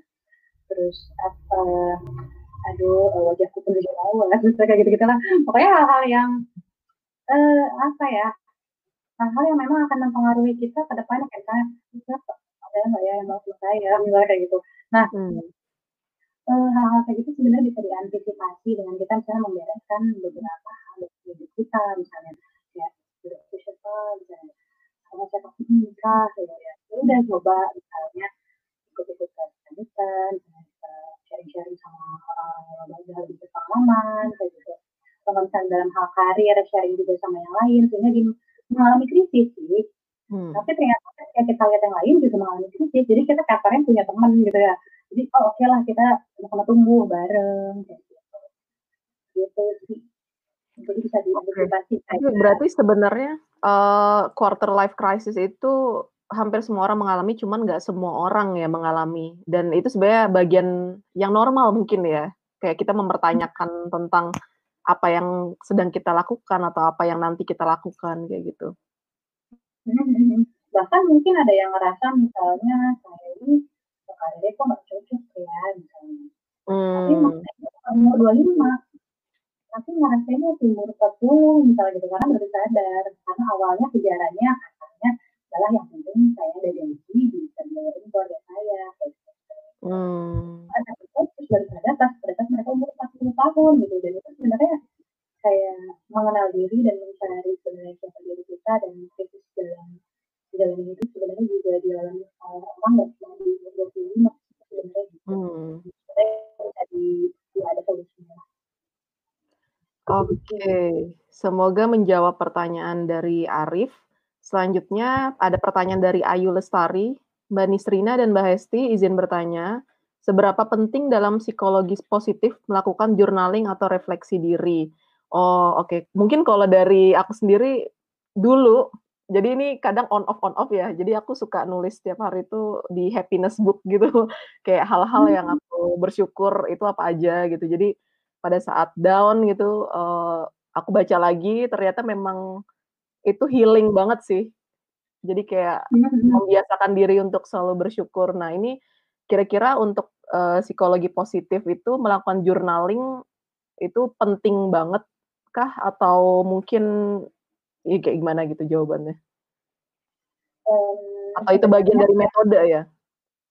Metode sih sebenarnya setiap orang tuh punya punya intensitas refleksi diri yang beda-beda gitu sih mbak menurut saya. Oh. Jadi ada orang yang tipikalnya lakuin dulu, lakuin dulu supaya banyak hal kayak gitu ya. Baru habis itu hmm, dari situ dia akhirnya dapat berbagai kesimpulan gitu ya hmm Kalau saya lebih banyak mikir orangnya. Saya lebih banyak mikir, lebih banyak uh, ini sebelum saya makan saya ke mana dulu. Makan saya tuh harus feeling kontak dulu kayak gitu sebenarnya kayaknya ketika kayak gimana gitu ya tapi sambil saya melakukan kegiatan-kegiatan juga yang mungkin kasarnya nggak terlalu berat karena misalnya saya udah berat kayak gitu jadi hmm. ya masih bisa ada kasarnya masih bisa ada aktivitas yang dilakukan lah nggak yang merenung banget tiap hari gitu. Jadi uh, jadi badan tuh butuh gerak kayak gitu ya. Nggak cuma mikir kayak gitu. Jadi kalau bisa sih refleksi diri dulu gitu ya juga. Uh, gerak juga kayak gitu ya. Interaksi sama orang juga gitu ya. Jadi sih kalau sih kayak gitu. Kalau saya sih sebenarnya nggak sampai kayak mbak Hesti ya bikin jurnal kayak gitu karena uh, oh kalau saya ini apa kalau senang nulis jadi nulis apa apa oh, okay. uh, bukan kayak saya bahagia karena apa gitu saya nggak tahu bahagia gimana dan saya bahagia karena apa hari ini saya bersyukur karena apa gitu tapi kalau saya tuh lebih ke apa ya bahasan-bahasan uh, hasil perenungan pemikiran ya nah, dalam sebuah misalnya cerita singkat gitu. Oh biar enggak kasarnya biar nggak di, di, di oh oke okay. iya itu salah satu metode juga ya, maksudnya dalam hmm. dalam hal psikologi positif tersebut. Hmm, Oke. Okay. Iya, jadi jawabannya tiap orang beda-beda, mungkin, uh, disesuaikan dengan, uh, apa ya, kondisi masing-masing kalau memang senang journaling itu atau senang menulis tentang kegiatan sehari-hari, itu bisa dicoba ya, Mbak, ya, asal positif. Hmm. Oke, selanjutnya kita juga ada um, pertanyaan nih misalnya kayak, eh, oke okay, dari Arif Ridwan Abrianto lagi. Jadi ini agak panjang pertanyaannya. Jadi dia bertanya tentang produktivitas bakat seperti bermain hmm. game. Zaman dulu kan hal itu tidak produktif, tapi ternyata zaman sekarang banyak streamer game yang dengan bermain game penghasilannya gede. Apakah itu suatu produktivitas? Apakah itu bakat jadinya? Bagaimana kalau zaman sekarang ada yang hobi bikin meme atau candaan atau gag dan ternyata suatu hari nanti hal itu jadi sesuatu yang produktif. Oke, okay, hmm. gitu. Jadi apakah itu termasuk uh, jadi dulu itu mungkin kayak dianggap tidak produktif gitu bermain game, tapi sekarang ternyata bisa uh, menghasilkan penghasilan juga gitu dan selain itu juga yang menjalaninya pun senang gitu. Dan apakah itu bagian dari bisa jadi bakat gitu? Bermain game itu bakat. Nah, sebenarnya uh, kalau misalnya main gamesnya aja tanpa kita apa ya secara produktif kita nggak produktif kayak uh, kasarnya nggak bisa ngasihin sesuatu buat diri kita ya dalam arti ini mungkin uang gitu ya hmm. ngasilin kebermanfaatan juga buat orang kita maka kita bisa nyebut itu adalah hal-hal yang memang kita lakukan uh, secara tidak apa ya secara tidak maaf ya secara tidak dewasa gitu ya jadi kayak setiap hari main game gitu ya tapi saya juga nemuin banyak orang kayak salah satunya saya punya teman yang dia itu suka bikin musik buat games atau enggak oh. bikin latihan-latihan buat guru-guru jadi play base apa game base learning kayak gitu oh. nah itu kan jadi game tapi akhirnya jadi positif kan buat orang kita dan kalau misalnya berbicara bakat sebenarnya apa sih gitu ya kalau dalam game kan butuh orang yang bisa bisa coding ya kalau games itu ya itu butuh hmm. analytical gitu.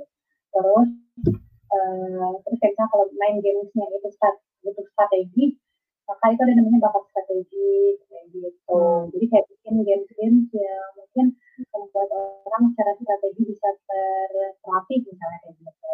Itu sih jadi banyak banget kan ya Mbak Hesti dan sobat lain uh, zaman dulu yang mana itu bukan kerjaan terus kan jadi kerjaan kayak kan game-game video kayak gitu kan. Hmm.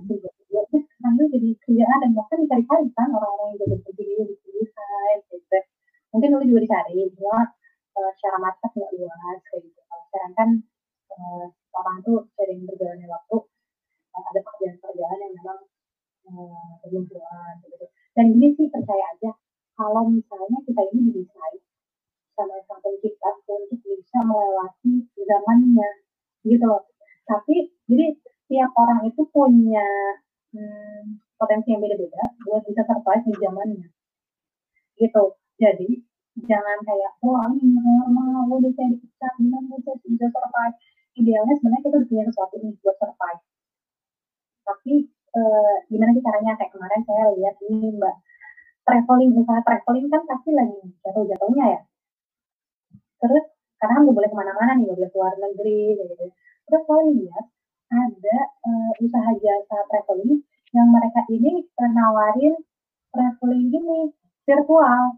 Saya nggak oh. paham juga sih traveling virtual, tapi itu kreatif banget kan berarti sebenarnya udah ada perangkat kita bisa survive ya buat jalan ini buat kita keren ya hmm. Gitu hmm. Oke oke. Ya, uh, semoga menjawab untuk menjawab untuk pertanyaan Arif Ridwan Abrianto. Oke, selanjutnya ada lagi nih yang bertanya, uh, Demos. Uh, Kanistrin, kalau bakat striving saya kurang bagus, cara untuk memotivasi dirinya bagaimana ya? Oh, jadi mungkin lebih ke motivasi ya? Memotivasi ya, diri. Wah, ini hmm. agak berat ya. Jadi gini, ini ini ini ini teman saya nih kalau nggak salah ya Dimas ya. Uh, jadi gini, uh, saya juga strivingnya itu abu-abu, abu-abu itu kan banyaknya tadi gitu. Jadi bukan berarti kita nggak bisa memotivasi diri kita kok. Maksudnya kan kalau strivingnya bagus itu, maksudnya kita tuh ketemu kalau di sini gitu. Caranya gimana? Caranya adalah kita kalau pun itu kalau apa kayak gini teman-teman ini cukup bahas sih sebenarnya kalau dalam forum-forum kalau nanti teman-teman tahu nggak uh, Mary Riana nyebut nama hmm. Mary Riana Mary Riana itu kan uh, motivatornya yang ada di Metro nah beliau itu pernah talent matching beliau itu muridnya Abah Abah Rama dia itu pernah talent matching hmm. keren, keren banget kan ya kita melihatnya ya uh, pertemanan gitu ya bahasan apa kata-katanya juga enak didengar gitu oleh orang ternyata stressingnya itu lemah. Hmm. Jadi dia nggak nggak bisa stressing lemah itu maksudnya kita nggak kuat nih kalau lama-lama diem depan laptop atau terlalu banyak ngulik. Oh, iya, kayak gitu. Jadi kayak misalkan stressing saya kan juga lemah kayak gitu ya. uh, jadi kalau misalkan saya aktivitasnya dulu di apa di kimia, itu kan nggak banyak nggak banyak interaksi sama orang kan. Nah di situ kayak ngerasa ngerasa cepat capek kayak gitu justru dengan saya berinteraksi sama orang itu jadi jadinya bisa bisa apa ya bisa semangat ya gitu. kayak misalnya gini hari itu sebenarnya saya nggak enak badan tapi ketika saya disuruh sharing kayak gini awalnya memang kayak berat gitu kan karena berdiri aja uh, apa lemas tapi ketika disuruh ngomong ngoceh aja dari tadi kan kayak gitu loh udah gitu. passion ya Heeh, gitu kalau udah ngerasa panggilan hidupnya gitu, sebenarnya iya. panggilan hidup Mas itu ke mana sih gitu ya. Nah ini kan bahasannya sebenarnya tentang memotivasi diri gitu ya. Sebenarnya, uh, saya sih ngelihatnya kayak uh, ini striving, beda sama beda sama bahasan striving, kalau striving lemah kayak gitu yang tadi saya bahas. Tapi kalau sebenarnya sih caranya memotivasi diri, hmm, mungkin kayak tadi bisa bikin journaling kayak tadi ya Mbak Hesti ya, kayak Mbak Hesti kayak gitu ya. Uh, terus jaga circle kita, circle yang supportif kayak gitu. Terus pikirin ada banyak hal yang bisa kita berikan buat diri sendiri ataupun orang lain. Atau sih sederhana, kita sebenarnya masih dikasih nafas kayak gitu ya. Kan sebenarnya kalau kita uh, kalau kita hmm, tahu saya kalau kita lagi tidur, sebenarnya kan perutnya kita tuh lagi dipegang. Nah, pilihannya perut kita nggak dikembaliin atau perut kita itu di uh, kembalikan terus kita bangun gitu. Jadi kayak sesederhana kita dibangunkan lagi pagi hari gitu ya dan itu kan berarti setiap uh, setiap kita dibangunkan kan berarti sebenarnya ada tugas ada rezeki. Iya. Wah, dalam ya. dalam banget. Oke, semoga menjawab dan uh, memotivasi uh, untuk demos tadi. Oke. Um, selanjutnya mungkin ada pertanyaan satu pertanyaan dari aku ya mengenai uh, generasi milenial nih. Jadi sebenarnya kalau kalau kita amati gitu, apakah generasi milenial itu memiliki pola bakat tertentu yang berbeda dari generasi sebelumnya? Terus karakteristiknya seperti apa dan mungkin kaitannya kalau tadi kita bahas tentang uh, salah jurusan gitu kan ya, mungkin kayak salah pekerjaan juga banyak gitu yang dialamin oleh uh, orang-orang saat ini. Nah, kira-kira untuk generasi milenial milenial itu jenis pekerjaan apa yang kira-kira umumnya cocok untuk mereka gitu sehingga mereka kayak bisa memaksimalkan potensi mereka dengan karakteristik yang mungkin uh, berbeda dengan generasi-generasi sebelumnya. Hmm. Jadi uh, kayak yang tadi saya bilang ya Mbak ya, saya kan bilang uh, kan tadi saya bilang kalau setiap generasi itu diciptakan beda-beda gitu ya untuk bisa survive. Tentu pasti ada seperangkat unik gitu ya yang ada di dalam diri kita buat kita bisa menata kehidupan gitu ya bahasanya. Nah, eh, kalau menurut penelitian mungkin spesifiknya banget eh, perlu Abah Rama yang menjelaskan. Tapi okay. yang saya tahu ini kalau dulu zaman bapak-bapak kita ya, kayak di sini mungkin ada yang bapak-bapak apa enggak ya? Jadi zaman orang tua kita, cara bakat mereka itu orangnya banyaknya disiplin, jadi tepat tepat waktu, jadwal, rapi, gitu.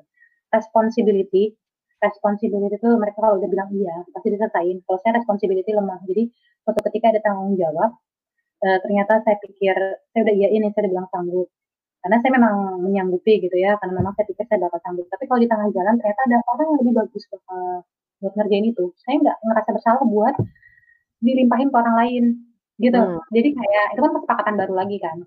Nah yeah. kalau orang yang dulu itu responsibility-nya tinggi uh, terus disiplin uh, achiever achiever itu kayak oh, gila kerja sih gitu. Jadi apa pun deh di dikerjain. Dan kalau dalam bahasa psikologi namanya resilient resilient mereka resilient tuh kayak daya lenting daya lenting. Jadi kayak bola di kebawahin terus mereka ke atas lagi. Nah resiliennya uh, orang tua orang tua kita itu tuh uh, besar. Jadi mereka kalau udah ke bawah mereka gampang ke atas lagi gitu.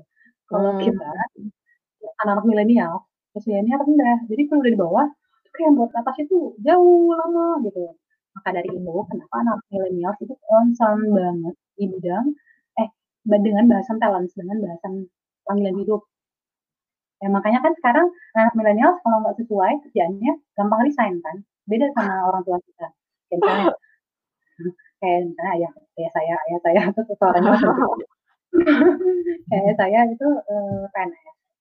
Tahu kan PNS itu kan banyak ngurusin hal administratif, uh, uh, terus banyak sekali apa birokrasinya tapi ternyata tapi sebenarnya beliau itu orang yang sangat senang ngomong kayak saya gitu. Ibaratnya kalau dia kalau beliau dihidupkan mas di mata saya kayaknya nggak akan jadi PNS tapi hmm. beliau bertahan gitu. Tapi beliau bertahan gitu. Menjalankan itu ya disambi sih disambi sama kerjaan yang lain yang sesuai dengan apa yang jadi potensinya kayak gitu. Gitu. Tapi kalau disambi jadinya di kerjaan yang harusnya dikerjakan kan jadi nggak maksimal kayak gitu. Hmm. nah berbicara potensi di anak milenial itu kalau dari segi bakat anak-anak milenial itu banyak yang ideation sama futuristik jadi hmm. kreatif sama uh, berpikiran jauh ke depan makanya kayak ada Gojek terus hmm. ada uh, misalnya ada apa ya ya pokoknya ada banyak banget startup startup dunia kreatif aja sekarang hmm. banyak nih industri kreatif gitu ya banyak banget anak-anak yang kerjanya tuh nggak mau terpaku sama aturan-aturan di kantor karena mereka berpikir bahwa gimana aja bisa kerja gitu fleksibel kayak gitu sih. Dan biasanya memang uh, ya anak milenial uh, ya banyaknya ada itu ya yang tadi saya bilang ideation sama futuristik. Yang nggak ada ideation sama futuristik ada nggak anak milenial ada. Buat apa? Ya buat melengkapi dong. Kalau misalnya semua anak ideation anak ya, ide gitu ya. Gak ada yang, yang urusan administrasinya siapa? Iya. yang yang apa yang di lapangannya siapa kayak gitu hmm. ada tapi mungkin porsinya nggak banyak gitu ya hmm. betul sih oke okay.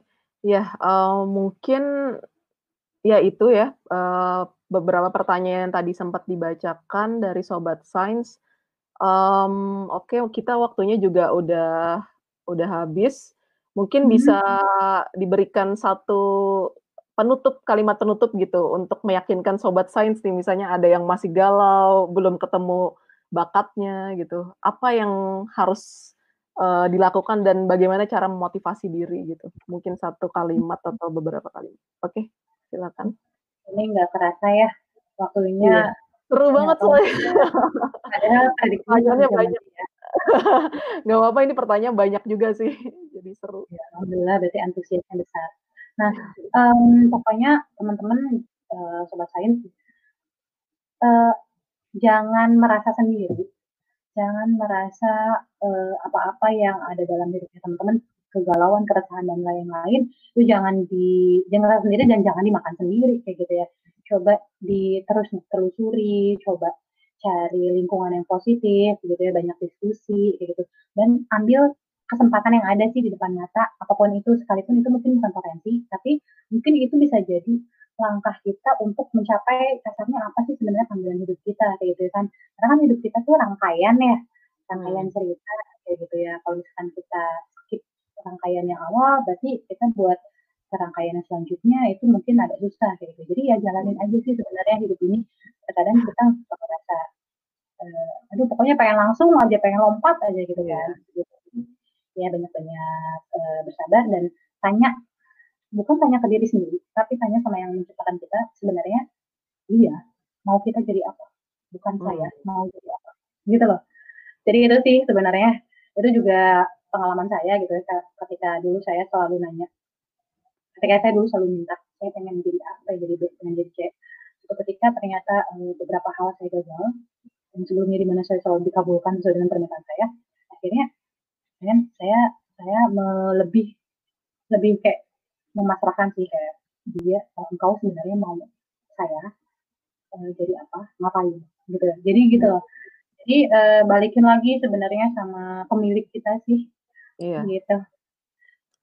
Ya Terdengar mungkin abstrak.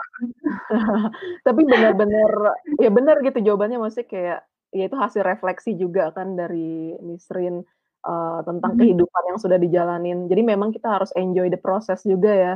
Eee, kita Mhm. nggak bisa langsung pengen A, ya udah, eee, besok udah harus udah harus tercapai gitu, enggak juga gitu. Karena memang kita perlu berproses dan menurutku sendiri sih kayak proses itu penting. Proses itu mendewasakan dan setelah kita melewati tahap-tahap kayak quarter life crisis atau mungkin nanti middle life crisis, kita akan lahir sebagai orang yang berbeda gitu, yang mungkin lebih bijaksana, lebih Mhm. apa ya, lebih berisi lah intinya, kayak gitu. Mhm mhm, Iya. betul sekali. Oke, eee, terima kasih banyak Nisrin udah meluangkan waktunya sharing bersama Sobat Sains. Ini benar-benar, eee, topik yang menarik dan semoga bisa membuka apa ya, pengetahuan dan juga membuka mata untuk orang-orang yang mungkin masih galau gitu dan perlu menemukan passion-nya atau talent-nya gitu. Nah, nanti kalau misalnya teman-teman ada yang berminat, mungkin nanti kita coba masukin email Nisrin, eee, di di description-nya, jadi mungkin bisa Mhm. kontak langsung. Oke, eee, sekian dari Medok Sains, eee, terima kasih banyak, eee, sampai jumpa dan sampai bertemu di episode selanjutnya. Medok Sains, ruang bicara sains. Bye-bye. Terima kasih Terima kasih.